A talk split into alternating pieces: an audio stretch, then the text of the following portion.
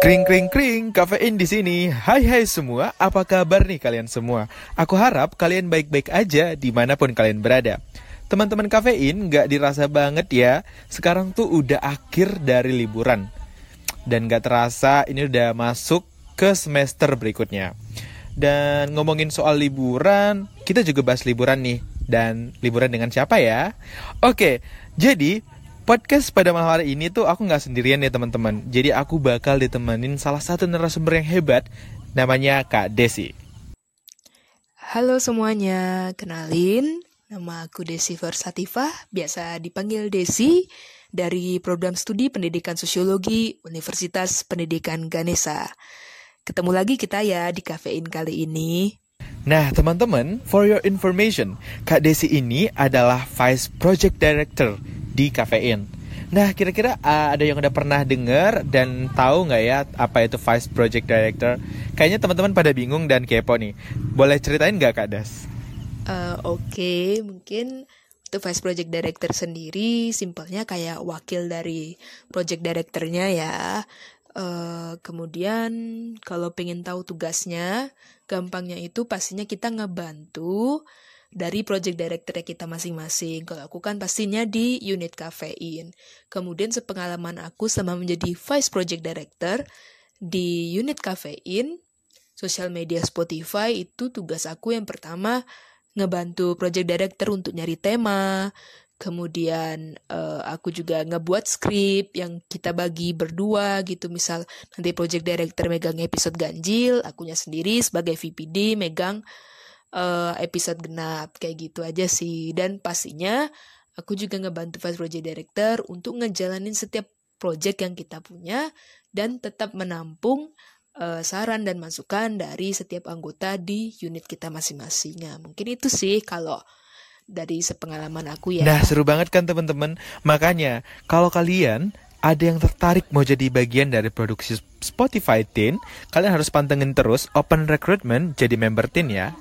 Oh iya teman-teman, uh, mumpung ada Kak Desi nih di sini, kita bakal tanya-tanya nih. Kira-kira Kak Desi lagi ngapain aja sih selama hmm, liburan ini? Kalau dari aku selama liburan ini nggak liburan ya. Meskipun aku kuliah di Bali, nggak menjamin juga aku jadinya healing terus nih tiap hari nggak. Uh, selama liburan ini aku disibukin uh, untuk jadi panitia PKKMB di jurusan karena kebetulan aku juga anggota dari himpunan mahasiswa di jurusan aku sendiri.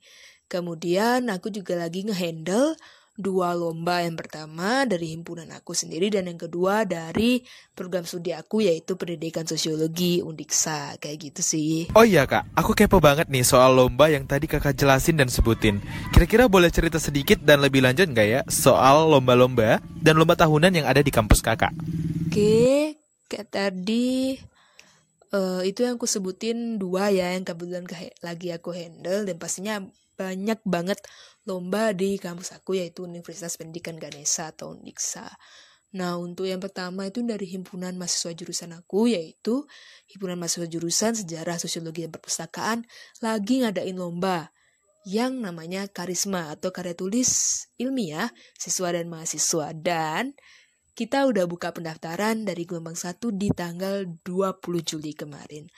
Um, itu merupakan lomba tahunan yang pastinya diadain oleh himpunan mahasiswa dari jurusan aku. Yang di sana ada beberapa cabang lomba. Awalnya memang ada tiga cabang lomba nih, tapi kita persempit jadi dua cabang lomba mengingat kegiatan kan juga pasti masih online ya untuk lomba-lomba seperti itu. E, dan cabang lombanya itu ada esai siswa dan esai mahasiswa. Jadi target dari kami itu memang dua nih, siswa dan mahasiswa dengan biaya pendaftaran yang murah banget dan kalau teman-teman perhatiin nanti dan cek di IG Karisma under, underscore Undiksa ataupun Instagram dari HMJ SSP underscore Undiksa itu harganya di bawah lomba-lomba karya tulis uh, siswa dan mahasiswa yang biasanya. Nah itu yang pertama tuh. Itu event tahunan yang pasti diselenggarain oleh Himpunan Mahasiswa Jurusan Sejarah Sosiologi dan Perpustakaan. Yang kedua yang lagi aku handle yaitu kompensan timpat atau kompetisi nasional uh, mahasiswa pendidikan sosiologi dan antropologi Indonesia yang keempat tahun 2022. Kebetulan itu karena kampusku atau Undiksa lagi dipercaya sebagai tuan rumah dari Musyawarah Nasional atau Munas dari Absanti di tahun 2022 ini. Nah, kalau di Kompensanti 4 ini sendiri, lombanya diadakan dua tahun sekali dengan tuan rumah yang berbeda-beda, dengan cabang lomba yang pertama ada artikel, artikel sosiologi ataupun antropologi, yang kedua ada lomba poster, dan yang ketiga ada lomba micro teaching, uh, sosiologi dan antropologi. Nah, kalau itu dari kampus aku ya, lomba tahunannya dan masih banyak lagi kayak putra-putri dan pastinya per himpunan mahasiswa ataupun per BEM fakultas itu punya program lombanya masing-masing, lomba tahunan masing-masing. Mungkin kalau dari aku itu sih, Vin. Kalau dari kamu gimana di kampusmu? Di kampusku ada beberapa dan banyak sekali lomba-lomba yang disediakan kampus. Tapi kalau yang namanya lomba kampus, biasanya tuh banyak yang nyelenggarain itu dari organisasi ya nggak sih kak? Mungkin kayak PMK atau BEM minat dan bakat gitu.